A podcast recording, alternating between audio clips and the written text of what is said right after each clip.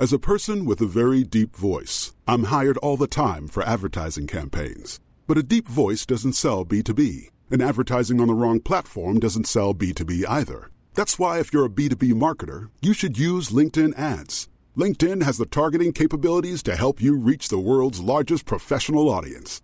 That's right, over 70 million decision makers all in one place. All the big wigs, then medium wigs, also small wigs who are on the path to becoming big wigs. Okay, that's enough about wigs. LinkedIn ads allows you to focus on getting your B2B message to the right people. So, does that mean you should use ads on LinkedIn instead of hiring me, the man with the deepest voice in the world? Yes. Yes, it does. Get started today and see why LinkedIn is the place to be to be. We'll even give you a $100 credit on your next campaign. Go to linkedin.com slash results to claim your credit. That's linkedin.com slash results. Terms and conditions apply. Hey, I'm Ryan Reynolds. At Mint Mobile, we like to do the opposite of what Big Wireless does. They charge you a lot, we charge you a little. So naturally, when they announced they'd be raising their prices due to inflation, we decided to deflate our prices due to not hating you. That's right. We're cutting the price of Mint Unlimited from $30 a month to just $15 a month. Give it a try at mintmobile.com slash switch. $45 upfront for three months plus taxes and fees. Promote for new customers for limited time. Unlimited more than 40 gigabytes per month. Slows. Full terms at mintmobile.com. Join us today during the Jeep Celebration event. Right now, get 20% below MSRP for an average of 15178 under MSRP on the purchase of a 2023 Jeep Grand Cherokee Overland 4xE or Summit 4xE.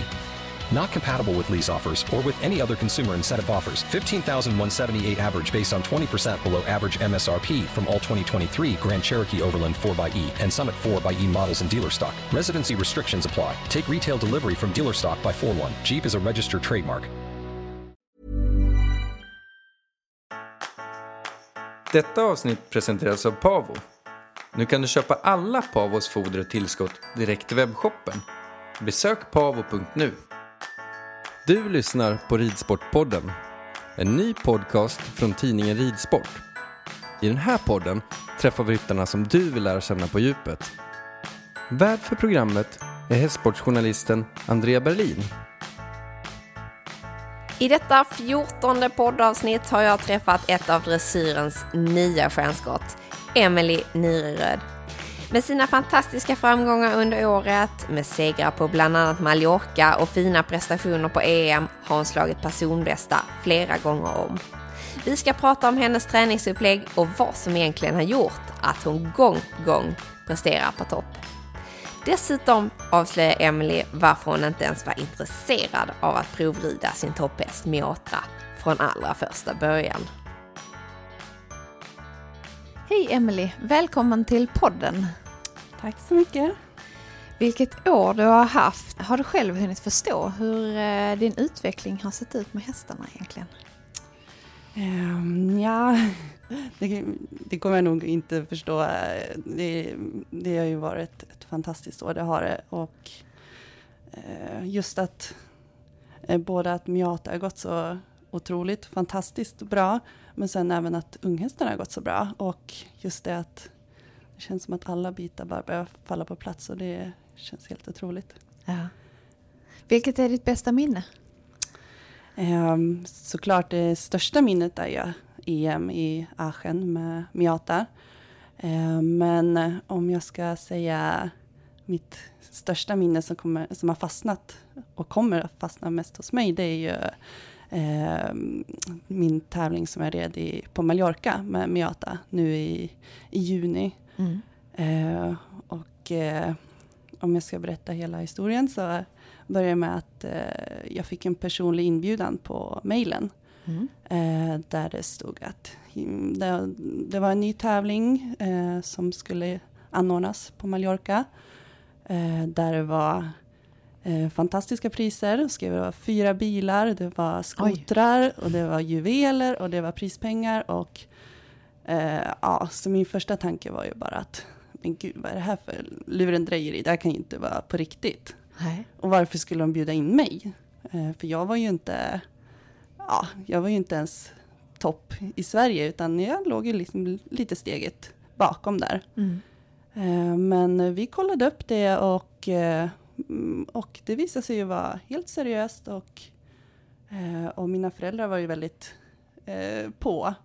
Jag var mer sådär att, men gud vad jobbigt och hur ska Miata ta det med den långa resan? Och, men ja, mamma och pappa stod på sig och de eh, tog på sig hela ansvaret och körde ner Miata till Mallorca. Ja. tog eh, fyra dagar, stod han på transporten för att komma ner. Eh, varav en färjetur där från Barcelona till Palma på åtta timmar. Men eh, de åkte över natten så det gick jättebra och de stod luftigt och ja, men det, så resan gick hur bra som helst. Eh, och sen eh, jag och min sambo, vi flög ner. så det var väldigt skönt för jag, jag gillar inte att sitta i bil så jag hade nog inte pallat just den biten att sitta i en bil i fyra dagar. Nej. Det, ehm, jo, men så när vi kom ner så fick vi bo på femstjärnigt hotell. Och eh, tävlingsplatsen var helt fantastisk. Eh, och vädret ja, var på Mallorca, sommarvärmen. Eh, och, så, eh, och just Miata är ju eh, jag vet att han gillar värme, det har jag vetat sedan tidigare. Mm. Men just den här äh, biten att han skulle stå på transport och inte ridas på ja, tre dagar så hade han ju bara ja, stått eh, och bara varit ute och promenerat. Ja. Eh, men så kom jag ner och så rider jag första passet och han, han var så mjuk och han var så fin i benen. Eh, och alltså han är nog, jag var helt förvånad. Jag bara, men hur kan han känna, känna så bra efter denna långa resa? Men det måste ju vara värmen och eh, sen red jag första klassen på fredagen. Då var det Grand Prix. Och eh, ja, jag kan säga helt ärligt, jag har aldrig fått till en så bra ritt. Och allt bara flöt och mm, ja, det kändes verkligen som att allt satt. Och så sen jag fick veta poängen att jag hade slagit nytt personbästa på över 73 procent Ja. och dessutom vann klassen, då var det bara, ja, då, då kan man verkligen säga att jag, att jag verkligen inte Ja. förstod vad som hade hänt. Eh, eh, och eh, ja, och sen var det ju då finalen på söndagen Mm. i Kyr. Och jag kan väl säga att då var det både den bästa och eh, den värsta tid jag varit med om. För just den här, eh, jo just det, och det värsta var ju att ehm, eh, första priset i Kyren var ju en eh, BMW Z4. Oj, oj, oj. Eh, Ja. Och bilen stod ju där längs banan. Så att man Den kunde stod och lockade ja, hela tiden. Precis. Mm. Och just den här känslan av att se bilen och, ha, och veta att shit, jag har chans att vinna den där bilen. Ja. Och det, jag, visst blir jag nervös, det blir jag alltid när jag ska tävla, men den nervositeten inför söndagens kyr, det, ja, den var inte rolig. Det var liksom bara att då mådde jag mest bara dåligt. Eh, just för att jag ville så gärna vinna den där bilen och, eh, och just veta att jag hade chans att vinna den. Ehm, men i alla fall så gick jag in på banan och Miata han kändes ju fortfarande superfin. Mm. Hur fräsch som helst. Och vi kanske inte fick till lika bra program men eh, alltså, allt bara flöt på. Han kändes så fin och så när det visade sig att vi red på nytt personbästa igen och vann bilen. Ja, Ja, kunde inte bli bättre. nej, Nej. det var ja, så häftigt. Vad härligt. Eh, men kan du inte berätta lite, Emelie, också om, om dina hästar? För du har ju mer än Miatra i stallet. Ja, eh, jag har eh, jag har två åttaåringar Ja. som eh, precis har debuterat Sankt Georg på väldigt fina resultat. Som jag tror eh, mycket på för framtiden och eh, de ska få stärkas upp nu under vintern och sen så ska jag ta ut dem lite mer i lilla rundan under nästa år. Mm. Och sen har jag även en sexåring, floppy disk, som har gått lite ungestchampionat med fina resultat. Och det är också en väldigt talangfull häst som jag tror mycket på för framtiden. Mm. Och sen har jag även fin fyraåring och även fina yngre hästar. Så jag har eh, jättemånga fina hästar i stallet. Och totalt är det, hur många står det i stallet egentligen? Eh, vi har sammanlagt eh, drygt 20 hästar har vi. Ja. Eh, men då är ju några avelston och även en hel del unghästar. Och, Ja. Men jag har eh, just nu nio hästar som jag rider på från tre år och uppåt. Och då driver du verksamhet tillsammans med din familj uppe i Västerås? Eh, ja, det är ett riktigt familjeföretag och Ja. det är det som är så härligt. Och, eh, just, min mamma har ju alltid varit hästintresserad och eh, vi flyttade till gården utanför Västerås eh, när jag låg i mammas mage, så jag är uppvuxen där. Ja. Eh, och sen har ju vi har ju verksamheten vuxit. Eh, det var väl kanske inte riktigt tanken att det skulle bli så här stort när vi började, men eh, ju bättre det har gått och det, det har bara blivit så. Nu är det ju verkligen 100 procent på hästverksamheten Mm. för vår del och sen så har vi även jordbruket. Men eh, ja, men eh, vi får satsa vår energi på hästarna just nu. ja. Rider din mamma också eller är det bara du som, som rider? Eh, mamma, nej hon har lagt eh, ridstövlarna på hyllan. Okej. eh, nej hon står bara på marken numera. Ja. Har du någon annan hjälp i stallet som rider alla de här hästarna? Eller? Eh, ja, eller ehm, jag har precis eh, fått en eh, praktikant som ska hjälpa mig att hålla igång hästarna. Eh, och just framförallt med de yngre hästarna, att jag behöver lite hjälp. Och, eh, vad säger, jag, rider ju jättegärna um, unghästarna själv när jag är hemma. Eh, men just när jag åker iväg och vilket det blir mycket med Miata. Det tar ju många dagar att åka iväg på de här stora tävlingarna. Så då är det en tjej som ska hjälpa mig att hålla igång hästarna. Och sen har jag även en hästskötare eh, som hjälper mig att göra ordning hästarna. Vad tror du har gjort att du har fått de här framgångarna i, eh, i år? Du började det där jättefint med den här Mallorca och sen har det ju bara stegrat sig efter det. Så det är så svårt att sätta ord på det. Det är så många delar som har fallit på plats. Ja. Eh, men om jag, det handlar ju mycket om att eh, ja, men nu senaste året, eller framförallt halvåret, har jag fått hjälp av Silla Kristoffersson. Eh, och eh, jag minns väldigt väl att eh, hon i vintras, eh, när jag satt och red med Jata, eh, så sa hon till mig att Emily, du ska veta att du är grym och du, du kan rida på 75 procent. Det vet jag. Och det är att, att hon har pushat mig och sagt att, att du, du kan ännu mer. Du är bra, men eh, du kan mer. Ja. Och det tror jag har gjort att, ja, men att jag har skärpt till mig. Och Har hon hjälpt dig lite mentalt Ja, så också då? jag eller? skulle nog säga det. Ja. Att innan dess så jag har varit väldigt nöjd med mina resultat. Jag har legat i B-truppen, varit väldigt jämn på mellan 67-69 procent i Grand Prix. Mm. Vilket ju är jättebra och jag har som sagt varit jätte, jättenöjd med det. Det är mer än vad vi vågat hoppas på just när vi köpte Miata. Så jag skulle bara ha en läromästare. Ja.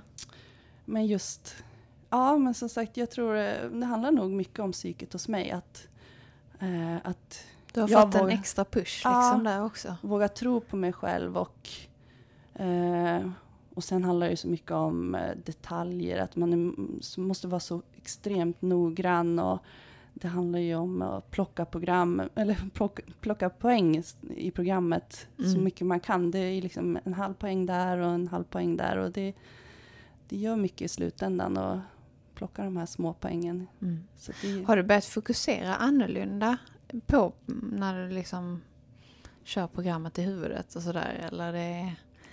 Ja, men just det här att, man, att jag har blivit mycket mer noggrann och, och jag kan säga att eh, jag aldrig tyckt att ridningen har varit så rolig som den är nu. Att jag börjar förstå hur, hur allt fungerar tänkte jag säga, men, Mm. eh, men hur allting måste, allt är så otroligt viktigt. Det, man kan inte lämna någonting åt slumpen för då, då tappar man direkt någon poäng och Mm. rida från punkt till punkt.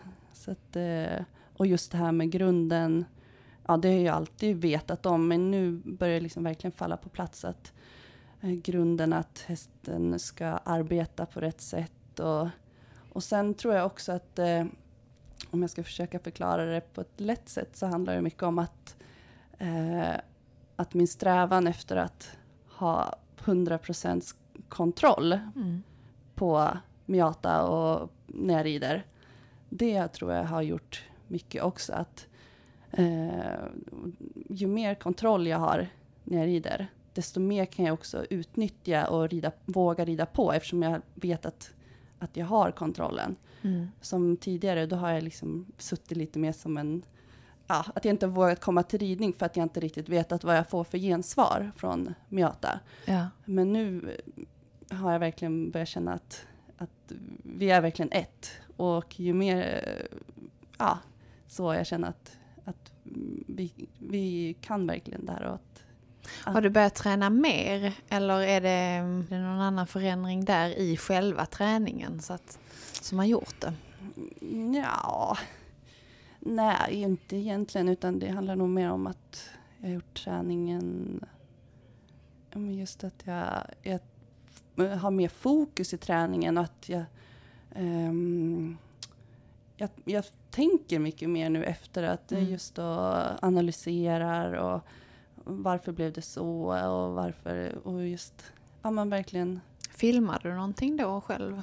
Som du sitter och tittar Ja. på? Eller? Jo, absolut. Mm. Jag brukar ha, ja, men om mamma och pappa är med så brukar de få filma. Mm. Och det är ju jättenyttigt. Mm. Just, eh, ja, för det ser ju ofta annorlunda ut än vad det känns. Så det är verkligen jättenyttigt. Blir du nervös? När du eh, ska tävla eller när Ja. du ska pre- prestera sådär? Ja, absolut. Det blir jag. Ja. Eh, för eh, folk säger alltid, ja men du verkar så lugn. Och, men just det här innan jag ska in på banan, då är jag alltid, och speciellt på Miata när det gäller så pass mycket och det är så svåra program, då är jag absolut, ja, man känner, shit hur ska det här gå? Men sen är det som att när jag kommer in på tävlingsbanan och börjar programmet, då bara försvinner allt. Då är det bara jag och hästen och så har det väl egentligen alltid varit. Och även när jag red in på EM-arenan i Aachen så var det samma känsla att när jag stod där utanför och bara, Åh, hjälp, vad har jag gett mig in på?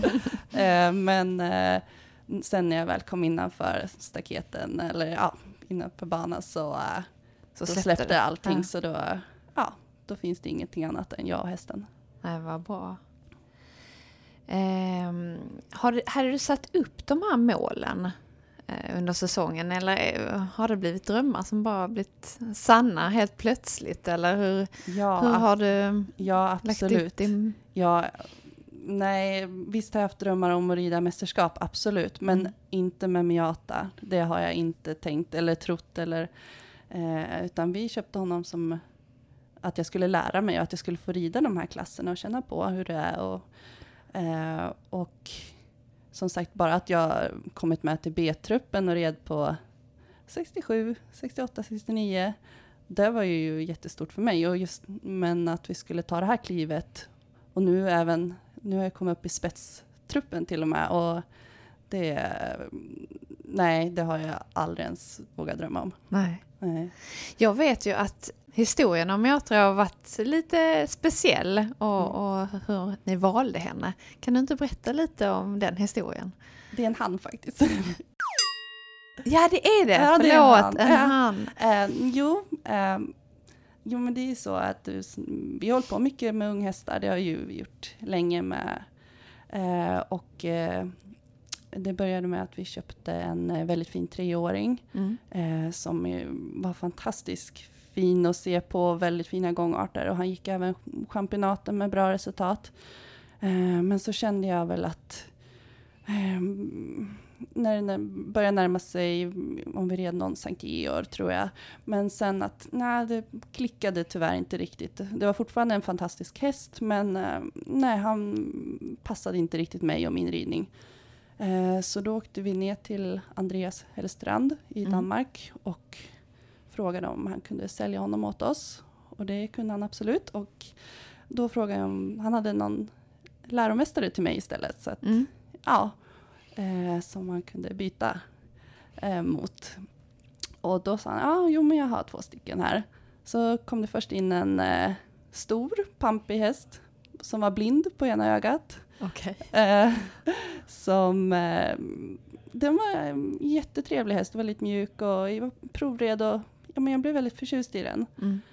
Eh, och sen kom Miata in och stapplade fram lite i skritten och ja, och så började hon göra lite rörelser och jag vet inte, han, han såg lite sur ut, han gick och piskade med svansen och såg, ja, han var väldigt spänd. Eh, så jag sa till min pappa att nej men måste jag verkligen rida den, eller provrida den där hästen, för jag, Ja. jag vill ju faktiskt hellre ha den andra, jag tycker Ja. bättre om den. Men då sa min pappa, nej men nu när vi är här, det är klart du ska provrida. Mm. Så, ja, okej då. Så satte jag upp och eh, ja, alltså det, det var många knappar ska jag säga. Och det, om vi säger speciellt i galoppombytena, det funkade inte alls. Det blev bara Nej. pannkaka. Han blev så spänd och jag var ju van med att rida unghästar innan.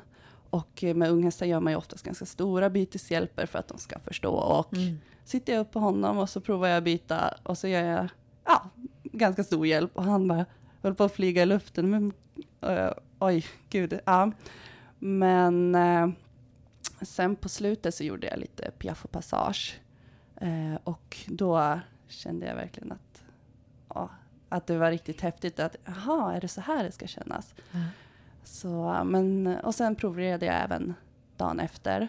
Och då gick även bytena bättre. Jag var lite lugnare. Mm. Eh, och ja, det var samma känsla där i piaffen och passagen. Att, wow.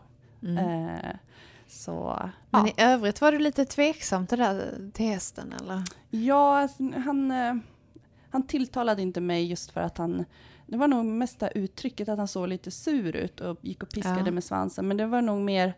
Eh, han är väldigt känslig och mm, det är ju det som jag har jobbat med. Att få honom avspänd och, och att man ska få komma till ridning utan att han ska spänna sig. Mm. Så det har ju varit mycket jobb med honom. Men just att eh, han hade den här arbetsviljan. Och han, han ville ju jobba och ville göra rätt.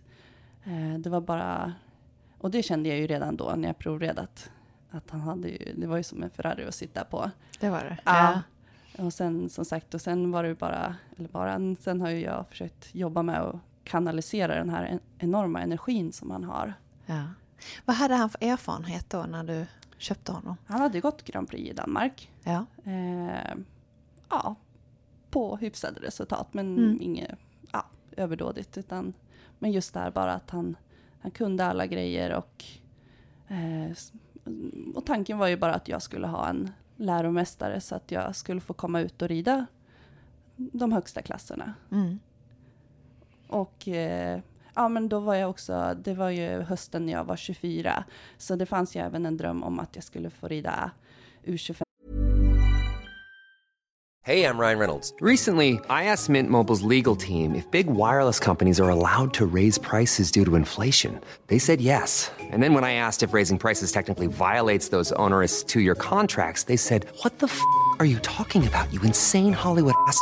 F- So to recap, we're cutting the price of Mint Unlimited from $30 a month to just $15 a month. Give it a try at mintmobile.com slash switch. $45 upfront for three months plus taxes and fees. Promo rate for new customers for limited time. Unlimited more than 40 gigabytes per month. Slows. Full terms at mintmobile.com.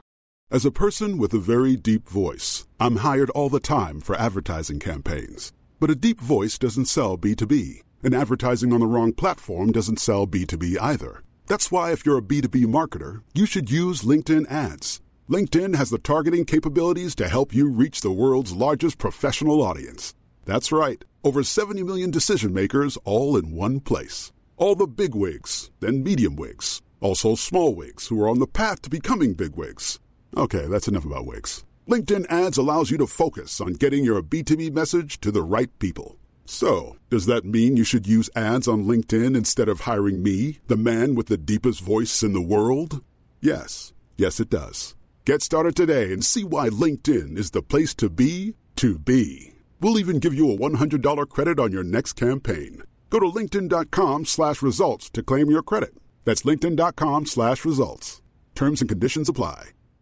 Get ahead of postage rate increases this year with Stamps.com. It's like your own personal post office. Sign up with promo code PROGRAM for a four week trial plus free postage and a free digital scale. No long term commitments or contracts. That's Stamps.com code PROGRAM. Join us today during the Jeep Celebration event. Right now, get 20% below MSRP for an average of 15178 under MSRP on the purchase of a 2023 Jeep Grand Cherokee Overland 4xE or Summit 4xE. Not compatible with lease offers or with any other consumer incentive offers. 15,178 average based on 20% below average MSRP from all 2023 Grand Cherokee Overland 4xE and Summit 4xE models in dealer stock. Residency restrictions apply. Take retail delivery from dealer stock by 4 1. Jeep is a registered trademark. Every fan knows the right player in the right position can be a game changer. Put LifeLock between your identity and identity thieves to monitor and alert you to threats you could miss. Plus, with a US-based restoration specialist on your team, you won't have to face drained accounts, fraudulent loans, or other losses from identity theft alone. All backed by the LifeLock Million Dollar Protection Package. Change the game on identity theft. Save up to 25% your first year at LifeLock.com slash aware. Klasserna eh, under ja, året efter. Ja, just det. Och det lyckades jag ju med. Så att, eh, redan där eh, var det ju många drömmar som gick i uppfyllelse. Att jag fick, eh, jag red Lövsta Future Challenge. Eh, fantastisk satsning som, eh, ja, och vann jag tre av fyra kval och fick rida finalen i Globen. Hur snabbt kom detta då? Eh, hur lång tid har du haft honom då? Jag, säger, jag provred honom eh, på hösten i oktober mm. eh, när jag var 24 och sen så red jag ju jag red ju U25-klasserna i Aachen, det var på sommaren, så jag hade ju inte ens haft honom ett år då när jag red U25. Mm. Eh, och sen så gick ju ah, finalen i Globen och det var ju i december, så då hade jag haft honom ja, drygt ett år när jag red mm. Där. Vilken start! Ja, och så vann mm. jag även där i Globen, så det, bara där så var det så här, men gud, det var ju bara helt, helt fantastiskt alltihopa. Det förstår jag. Men vad jag har förstått så är du också väldigt duktig på att ta fram unga dressyrhästar. Hur tycker du det är att komma, kombinera det här med, eh, med de äldre hästarna? Funkar det eller blir du splittrad? Jo, men eh, som det känns nu så är det, tycker jag att det funkar jättebra. Ja. Eh, jag älskar ju unghästar och utbilda och det är ju det jag brinner för. Och, eh, och nu är ju drömmen att, att jag ska lyckas få upp ja, någon av de yngre hästarna i Grand Prix som mm. ska ta över efter Miata. Så det är väl det som har varit tanken hela tiden, att jag ska, ja, med Miata får komma ut och lära mig och ja, få rutin i Grand Prix och sen att jag ska ha hjälp av det när jag sen, ja, som nu, utbildar vidare mina, mina yngre hästar som förhoppningsvis ska ta över och gå Grand Prix en dag. Mm. Men förutom Miata då, eh, hur många hästar är det som du utbildar från ung ålder, alltså helt själv? Eh, ja, eh, själva inridningen lämnar vi bort. Det, det gör ah, jag inte okay. själv, utan det gör andra mycket bättre. Jag är lite för feg för det. Ja. Men sen från mm, tre, fyra års ålder så rider jag och utbildar. Och sen, eh, vi säljer ju även en hel, hel del hästar. Eh, så det är lite, eh, ingår i vår verksamhet att eh, de hästar som inte passar mig eller som, ja, som jag känner att nej, men, den här hästen passar bäst, bättre hos någon annan, då, då säljer vi dem. Mm. Och ja, även för att bygga upp verksamheten så har det ju varit vår grej att vi måste ju sälja för att sen kunna köpa ännu bättre och på så vis ja, få ännu bättre hästmaterial i stallet. Det är klart. klart. Eh, är det några som är egna uppfödningar eller är det alla hästar som ni köper in? Mm, jo, men vi har en del egna uppfödningar. Mm. Um, Sen har det väl varit, det är ju alltid svårt att föda upp hästar och mm. eh, ibland blir de alldeles för stora. Jag kan ju inte rida på jättestora hästar så då måste man sälja dem på grund av det. Eller så blir de, ja det, det är så många bitar som måste falla på plats för att de ska passa just mig. Men, men absolut, vi håller på med lite uppfödning och så utbildar jag dem och eventuellt säljer eller ja, behåller ett tag. Mm. När du köper hästar, är det mest svenska hästar eller är du utomlands också och kikar? Eller? Eh, det är väldigt olika. Mm, nu har vi köpt mycket utländska, eller tyska hästar har vi köpt. Men jag kollar även, eller vi kollar även på svenska hästar och tycker det finns väldigt mycket trevliga hästar här i Sverige också. Så det, eh, det handlar egentligen mer om slumpen att ja, ibland hittar vi någon svensk häst och ibland åker vi till någon auktion i Tyskland och handlar en häst där. Så att, ja. Mm, det är olika. Ja, precis. Ja. Vilka kvaliteter brukar du kika på när du är ute och ska välja hästar? Oj, uh, ja men det, det är ju väldigt mycket man måste ta hänsyn till. Och, ja. uh, uh, vi brukar säga man får ju ta, väga plus och minus mot varandra. Att vi, man säger ja, men det här är hästens plussidor och det här är hästens minussidor. Och sen får man ju väga just om, om plussidorna är fler och de är de viktigaste. Som om vi säger, ja men ridbarheten är ju ja, nummer ett. Ja. Så eh, just, och sen, just när jag provrider så, är, jag vill ju att hästarna ska ha mycket energi, de ska vara fina i munnen. Eh, och sen eh, tycker jag att det är viktigt att man får en känsla av att hästen går i uppförsbacke. Eh, att den har mycket front. Och sen med gångarterna har man ju lärt sig att det går att göra väldigt mycket med dem, bara om man rider dem rätt och om hästen vill framför allt. Ja. Så att, eh, det har vi ju mer och mer förstått att eh, det gäller att hästarna vill och att de har en bra ridbarhet för att man ska komma långt. Ja. Så gångarterna är inte så, så superviktiga tycker du när du ser den som ung häst? Nej, alltså de ska ju ha tre bra grundgångarter, absolut. Men sen behöver de inte trava fram eh, med gigantiska steg och ha en, och en skritt som är tiomässig, utan eh, ja, vi brukar säga men åtta mässiga gångarter, det räcker alldeles utmärkt. Mm. Och att sen, som sagt, om hästen vill så går det att utveckla dem utifrån det. Hur, hur kan man utveckla dem? Alltså hur mycket bättre tycker du att man kan eh, ta en hästs gångarter? Det är ju väldigt olika just. Ja. Det beror på lite hur de är byggda och eh, men eh, men det, det går, går att trolla lite grann? Ja, gud ja. ja, absolut. Speciellt med traven. Ja. Där går det ju, ja, som sagt att trolla mycket. Men galoppen, galoppen och skritten behöver ju ha en bra grundkvalitet och sen kan man ju jobba vidare och stärka upp dem och på så vis får de ännu bättre. Men just eh, ja, traven är ju den gångart som man kan göra mest med. Har du något speciellt knep sådär som du gör med, med traven för att få den riktigt bra? Någon specialitet? Ja, nej men det handlar ju om att stärka upp dem och mycket övergångar, mycket tempoväxlingar, få dem kvicka för benen mm. men ändå känsliga så att man kan ta förhållningar med handen. Det handlar ju liksom om det att kunna rida dem framåt men ändå göra förhållningarna med sätet och på så vis få dem att komma upp mer i luften än, än att de blir långa så att de verkligen får ja, luft i fronten. Mm. Vilken känsla vill du ha sådär när du sitter upp och provrider? Ska det kännas helt perfekt från början även om hästen är ung? Eller?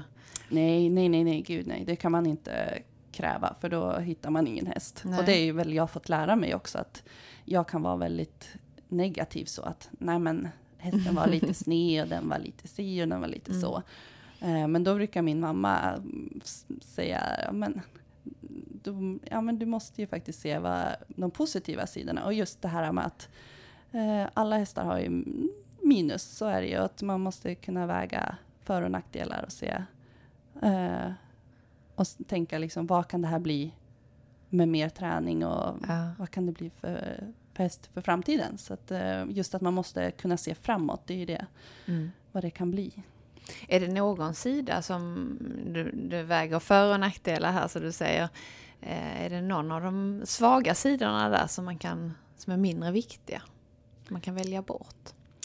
Um, ja, eller det är väl lite just med traven. Eh, att den behöver inte ha jättestor trav. Som eh, min floppy disk till exempel som eh, ja, egentligen var en liksom trevliga framben, lite uppåt så, men ingen svung och inget så, utan inget extra så när vi köpte honom. Men just att man jobbar med, då får man ju jobba upp svungen och få dem lite, att de vilar mer på stegen. Och, mm. Så det är just, ja, traven kan man ju göra mycket med. Så att det, det, det behöver man inte se. De, de behöver inte vara allt för stora i traven från början i alla fall. Nej. Hur, hur, är dina, ehm, hur går dina tankar när du ska välja en äldre häst i förhållande till en yngre häst? Eh, där, den är ju mer färdig så att säga. Hur tänker du då när du väljer? Ja, det är, jag har egentligen bara köpt Miata som är ja. mer färdig. Eh, och ja, som honom så det, var ju in, det gick ju inte jättebra på provridningen, men eh, det är just ju mer de kan, desto svårare är det ju också att ta över hästen för att det är mm. så små signaler och eh, så att eh, just, ja som sagt, ju mer hästen kan, desto mer måste man också ha överseende med att det kanske inte funkar de eh, första månaderna, utan de säger att det tar minst ett år att rida in sig på hästen och det stämmer verkligen just när, när hästarna kan så pass mycket. Mm. När du då utbildar eh, dressyrhästarna, eh, vad lägger du fokus mest i just den här åldern, kanske mellan fyra och sex år? Ja, men det handlar ju om att renodla hjälperna. Att mm. eh, grunderna måste sitta. Att lägger man till skänken så ska den svara framåt. Tar man lite i handen, sitter tillbaka med sätet så ska den komma tillbaka. Och det handlar ju just om ja, när de är tre år då blir det liksom lite grövre hjälper för att få dem att förstå. Och sen vartefter hästen blir äldre så ska man ju kunna förfina hjälperna. Eh, så att det till slut blir som, så gott som osynliga hjälper. Att hästen den ska gå av sig själv och jag ska bara kunna sitta tillbaka. Då ska hästen ja, komma tillbaka utan något motstånd. Så att, eh, det gäller att bara att lägga grunderna rätt och stärka upp dem. Eh, mycket styrketräning, eh, mycket övergångar, tempoväxlingar. Bara för att få dem att stärka upp bakbenen och kunna sätta sig mer och komma upp i fronten. Mm. Hur många dagar i veckan kör du på dressyrbanan respektive kanske rider ut och har vilodagar och sådär? Hur lägger du upp det? Ja, det är lite olika, men jag brukar väl ha ungefär att jag rider fyra, just med, när det gäller unghästarna brukar jag rida ungefär fyra dagar i veckan. Mm. Eh, och eh, eh, då är det ju ofta måndag, tisdag, torsdag, eh, torsdag, fredag. Lägger in lite mer dressyrarbete. Mm. Ehm, ehm, och sen eh, onsdagar antingen vila eller ehm, cavaletti eller ja, någonting annat. Och sen brukar jag försöka ha det lite lugnare på helgen. Eh, då det oftast är tävlingar eller något annat. Men eh, just med unghästarna, de, jag tycker det funkar bra att de får eh, två dagar ledigt där, lördag, söndag. Och sen så kör jag igång på måndagen igen. Mm. Och så mitt i veckan får de någon uteritt eller? Ja, precis. Någonting annat. Bara för att det kan vara, ja men som sagt, cavaletti, lite hoppa små hinder eller longering, tömkörning, ja, eller vila. Det beror, treåringarna, de mår ju bra av att få lite vila. Så det mm. är olika. Mm. Jag tycker det är bra att lägga in lite hoppövningar kan man nästan säga in emellan eller? Ja absolut och sen Jo men det är det. Och sen mm. kan man kanske inte kalla det hoppning. Men, men Nej, bommar. Och, bommar, absolut. Ja. Det är ja. jättebra träning. Uh, just bara för att stimulera hästen och de får göra någonting annat. Um, så bommar är jättebra. Mm. Hur känner du, liksom, vad är lagom eh, för en unghäst? För det är ju lätt att de är eh, överenergiska om man liksom kör igång träningen väldigt hårt. Vad är lagom? Oj, det är ju jättesvårt att säga. Eh, jag tycker man, man ska vara uppmärksam på hästen. Märker man att den bör, känns trött och att den inte riktigt vill. Och, då tycker jag, speciellt när det gäller tre och fyraåringar, var inte rädd för att låta den vila ja, en vecka. Bara för att vila upp musklerna och sen så provar man igen. Uh, så att, um, just unghästar tycker jag mår bra av vila, eller kortare vila mm, oftare. Uh, och som sagt att man hela tiden är lite uppmärksam på vad hästen vill. Och, uh, det handlar ju om att hålla hästen motiverad. Mm. Uh, vill den inte, då, då är det ju kört. Mm. så därför, att försöka variera träningen. Även fast jag säger att, även fast jag rider säger, dressyr fyra dagar i veckan så handlar det om att variera träningen även där. Att ja, ena dagen kanske jag lägger fokus på traven och sen andra dagen lägger jag fokus på galoppen. Eh, så att man inte gör all, samma sak varje dag, för då tröttnar hästen. Utan det gäller att, som sagt, att stimulera så att hästarna måste ju tycka att det är kul. Mm. Och de ska vilja jobba. Ja. Mm. Hur mycket vila får de? Ehm, får de vintervila eller lägger du in perioder i, under tävlingssäsongen eller hur ser det ut? Ja, nu har det ju blivit lite mer vila kanske än vad jag har tänkt. Eh, Ja. Eftersom det har varit så mycket tävlingar med Miata. Eh, men, eh, eh, och sen, men vintervila brukar jag absolut bli för just eh, över jul och nyår brukar unghästarna bara få gå och ha det lugnt. Ja. Eh, men sen just för min del så blir det ju eh, det blir ju vila lite här och där. Ja. Och, så jag brukar egentligen inte planera in så mycket längre vilor. Så vet, som sagt, jag tycker det funkar bra med de här lite kortare vilorna. Så att de får ja, hämta sig lite grann bara och Ja. vila upp musklerna. Mm. Hur sätter du upp eh, målen sen för en, för en ny säsong? Det är väl snart är det vintervila i, i här är väl i december, januari och sen så kommer en ny säsong. Hur gör du då? Har du någon speciell plan liksom som du brukar sätta där? Eh, nej, jag, egentligen inte. Eller, eh, jag, tycker, jag gillar vintersäsongen. Eller det gjorde jag inte förut, för då tyckte jag att det var tråkigt när det inte var några tävlingar. Men Mm. nu har jag verkligen lärt mig att uppskatta vinter, vintersäsongen. Ja. För då handlar det så mycket om att det är då man ska stärka upp hästen och då har man tid att lära hästen nya grejer.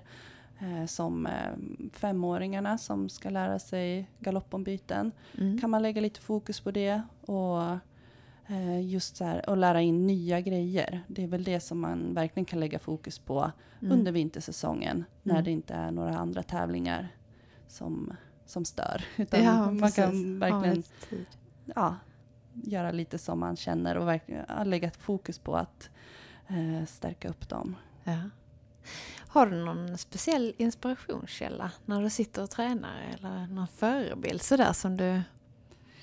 Ja, eller jag, jag, jag är väl sån som jag tycker om att kolla på. Det ju- finns så många skickliga ryttare så att man kan ta liksom lite från, från alla. Så att, eh, det är väl egentligen ingen sådär jag känner att, att eh, någon jag följer extra mycket. Utan det är mer, jag, ty, jag tycker det är jättekul att sitta och kolla på framridningar och eh, ja, på tävlingar. Och just att se ett skickliga ryttare, det, det blir man väldigt inspirerad av. Och som sagt, man kan ta lite, lite från varje ryttare. Mm. Sno lite små tips. Vad skulle du vilja ge för tips till de som ska vinterträna och eh, ha unghästar och ska ladda inför en ny säsong? Mm. Nej men som sagt, det handlar ju om att bygga upp hästen. Se det som, som en period att ja, kunna lägga ännu mer fokus på att få dem ett steg längre i, i träningen. Och att, um, då gör det ju ingenting om man skulle, ja men lite som, uh, ja, som med galoppombytena. Om, uh, just när man är i tävlingssäsongen med femåringarna. Kanske man inte vill träna det så mycket för att det kan ju störa eh, den förvända galoppen. Men då just Mm. att man verkligen ser det som ett tillfälle att nu kan jag träna det lite extra. Och, och just det här att lägga grunden. Och när det gäller tre och fyraåringar handlar ju bara om att stärka upp dem, hålla dem motiverade och ja, få dem ännu bättre. Eh, så att jag, som sagt, jag tycker bara att eh, vintersäsongen är ju... Man ska ta tillvara Ja, på den. faktiskt. För Ja. att jag tror, det känns som att många ser det lite som eh, en period där hästen ska vila. Men, Ja, st- bara ställa av dem ja, helt. precis. Så jag, nej, utan jag är mer att jag tränar ännu mer under vintern. Mm. Laborera lite mer. Ja, precis. Våga mer. Absolut. Se vad det ger för resultat. Liksom. Ja, och som Mm. sagt, eh, känner man att det går lite åt fel håll, då är det bara att ändra planen lite och just det här att man har den tiden på sig, att man behöver inte känna sig stressad för att man har en tävling om en eller två veckor, utan Nej, precis. ja. Hur kommer du själv avsluta tävlingssäsongen i år? Ja, eh, nu ser jag ju fram emot Friends. Eh, Ja. Där jag mm, förhoppningsvis ska rida Miata. Mm. Eh, och ja, det ska bli jättekul. Jag red eh, ja, jag har ju ridit i Globen en gång med honom, men jag har inte ridit i Friends. Nej. Så det ska bli riktigt häftigt. Blir det säsongens sista tävling då eller har du mer innan Ehm, jul? Ja, eller vi, det är väl lite, vi vet inte riktigt än. Det beror på lite hur det går i Friends. Eh, men som det ser ut nu så kommer jag ta ett litet tävlingsuppehåll därefter eh, för att göra en ny kyr till Miata som vi ska ha under nästa år. Vad spännande. Ja, så eh, det tänkte vi lägga lite extra tid på nu och nu vill jag verkligen att det ska bli riktigt, riktigt bra så att det, det får ta den tid det tar och just ja, att jag inte planerar in någon mer tävling just efter det. Jag tackar så jättemycket Emily för att jag fått den här pratstunden med dig här nere i Skåne för du befinner dig inte här så ofta. Eh, och eh, jag önskar dig stort lycka till i eh, Friends också. Ja, tack så mycket. Tack själv. Vi vill jättegärna veta vem du vill att vi ska träffa nästa gång och vad vi ska prata om. Maila till oss på podden snabel-a tidningenridsport.se Programmet producerades av Lavaletto. Detta avsnitt presenteras av Pavo. Nu kan du köpa alla Pavos foder och tillskott direkt i webbshoppen. Besök pavo.nu.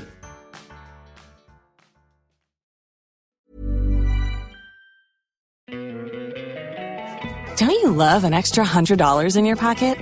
Have a TurboTax expert file your taxes for you by March 31st to get $100 back instantly.